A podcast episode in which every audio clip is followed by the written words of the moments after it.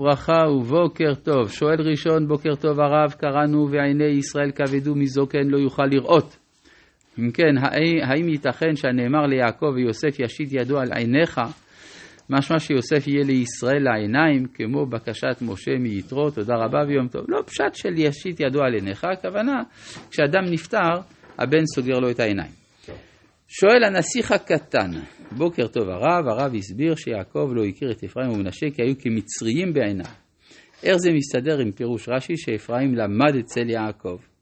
זה מסתדר יפה מאוד, זאת אומרת שיעקב אה, לימד את אפרים בקטנותו, פתאום הוא גדל והוא רואה שהוא מתלבש כמצרי. גם מבחינה הגיונית לא מסתדר לי שיעקב הרבה זמן במצרים ועדיין לא ראה את נכדיו, תודה רבה לרב ולצוות השיעור, זה בדיוק מה שאמרנו, שזה לא מצד שהוא לא ידע מי זה, אלא הוא אומר מי אלה במובן של אה, איך הם גדלים, האם עדיין הם אה, נאמנים למסורת המשפחה. זאת הייתה השאלה.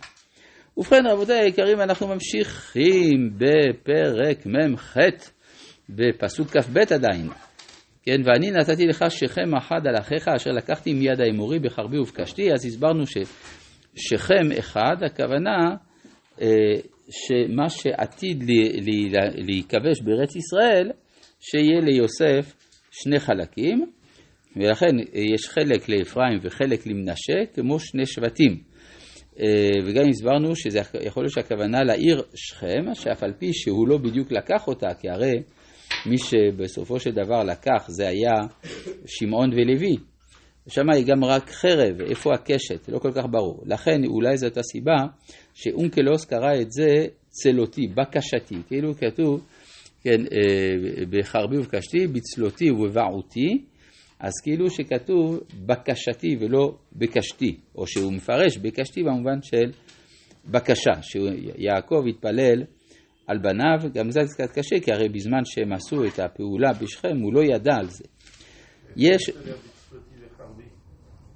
איך בחרבי זה צלותי? אינני יודע, אבל אפשר לומר, או שהתפילה היא סוג של חרב, או שיש לו פרשנות לבחרבי כתפילה, אני לא יודע.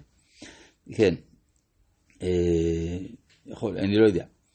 אה, אולי משון חורב, יובש, לא יודע.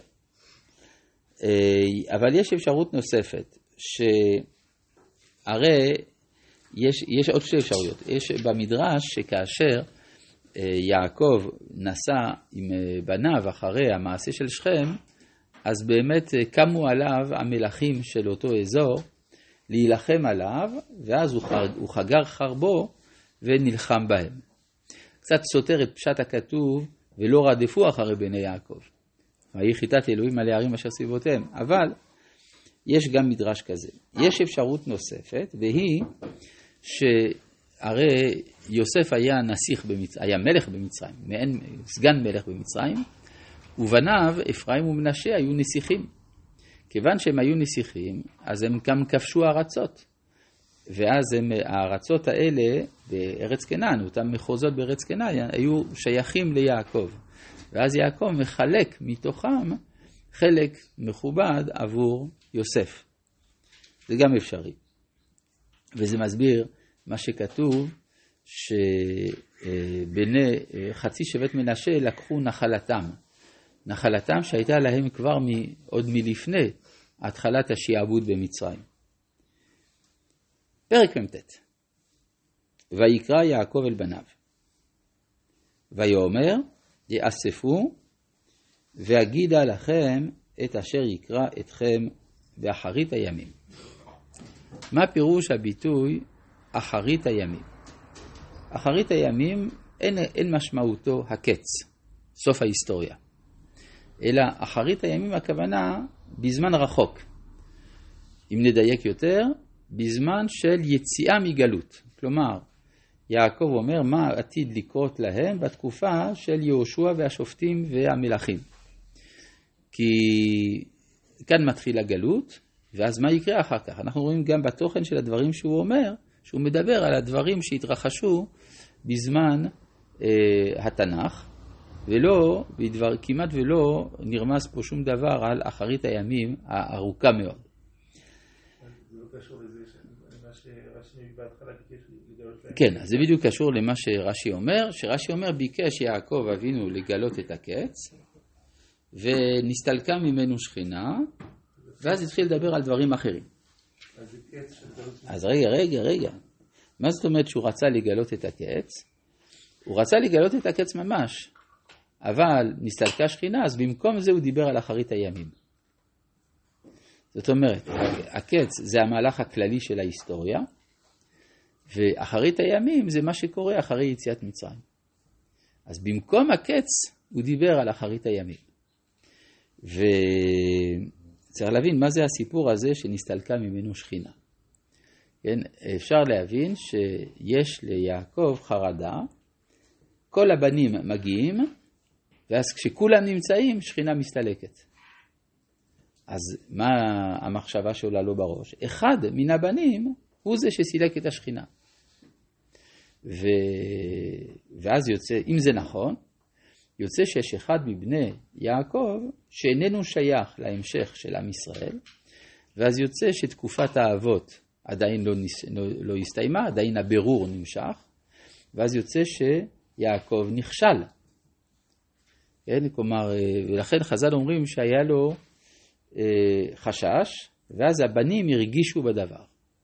הרגישו בדבר ואמרו לו, שמה ישראל, כלומר ישראל זה ישראל אבינו, השם אלוהינו השם אחד, כשם שאין בלבך אלא אחד, כך אין בליבנו אלא אחד, ואז הוא ענה ברוך שם כבוד מלכותו לעולם ועד, מסורת באומה, ולכן אנחנו אומרים את זה גם בקריאת שמע. למה בלחש? כי זה לא הוזכר על ידי משה, כשמשה חזר על הפסוק הזה. עכשיו, אה, אז זאת אומרת שהיה, אה, התברר בעצם באותו מעמד, שכל בני יעקב שייכים לבית יעקב. או שמיתתו שלמה, או נגיד את זה בשפה יותר קרובה אלינו, כל היהודים הם יהודים. כלומר, אין יהודי שהוא לא יהודי. והשאלה היא, על מי חשב יעקב כשהוא אמר לעצמו שאחד מהבנים סילק את השכינה? כן, מה אתה אומר? אולי יותר מאחד, אבל לפחות אחד. אז מי הוא אותו אחד? כן, מה? למה משה לא אמר את זה בקול? זה לא הנושא כעת. עכשיו, אה, למה אה, יעקב, על מי בעצם חשב יעקב שסילק את השכינה? אני טוען שהוא חשב את זה על שבט דן. יש על זה כמה ראיות. הרי כתוב, ויזנב בך כל הנחשלים אחריך, שזה היה שבט דן שהיה הענן פולטם, משום שהיו עובדי עבודה זרה. אז זה, זה באמת פגיעה חמורה ב, ביסוד של בית יעקב. וגם אנחנו רואים בדברי יעקב בהמשך שהוא אומר, דן ידין עמו כאחד שבטי ישראל. אפשר להבין כאחד ביחד, או הכוונה שגם הוא ידין עמו, כאחד שבטי ישראל. כלומר, הוא לא בחוץ. וזה החידוש, כן, שכדי לבנות את המשכן למקום של השראת השכינה, צריך את הירוד שבשבטים, שהוא דן, והנעלה שבשבטים, שהוא יהודה, בצלאל והאוליאב. בלי זה אין השראת שכינה. כלומר, הייחוד של השראת השכינה בישראל, שזה כולל את כל סוגי האנשים. אז למה נסתלקה השכינה? זאת השאלה, כן? כלומר, היה פה שאלה גדולה. אם לא בגלל שמישהו פסול, אז למה מסתלקת השכינה? אז יש במדרש, מובא בבעל הטורים גם, שהוא חיפש את האותיות ח' וט' בשמות של ילדים, לראות אם יש ח'. והוא לא ראה לא ח' ולא ט'. אז אם ככה, הוא הבין שזה לא ח'. אבל מה? ראה גם שאין האותיות ק' וצדיק, הקץ. כלומר, אה, אה, הוא רצה לדבר על הקץ ואי אפשר היה. מה זה אומר? הוא הבין שהקץ לא יבוא על ידי בניו. ובגלל זה נסתלקה השכינה. כי אם לא על ידי בניו יבוא הקץ, אז על ידי מי?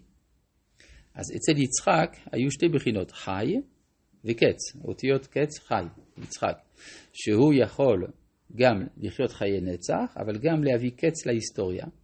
והחי הוא העביר ליעקב, יעקב אבינו לא מת, והקץ הגיע לעשו. זאת אומרת שה... הקץ של ההיסטוריה יבוא על ידי התערבות של עשיו. ואם זה בא על ידי עשיו, אז יש סילוק השכינה, וזה מה שיעקב הרגיש את השואה. ולכן נסתלקה ממנו שכינה.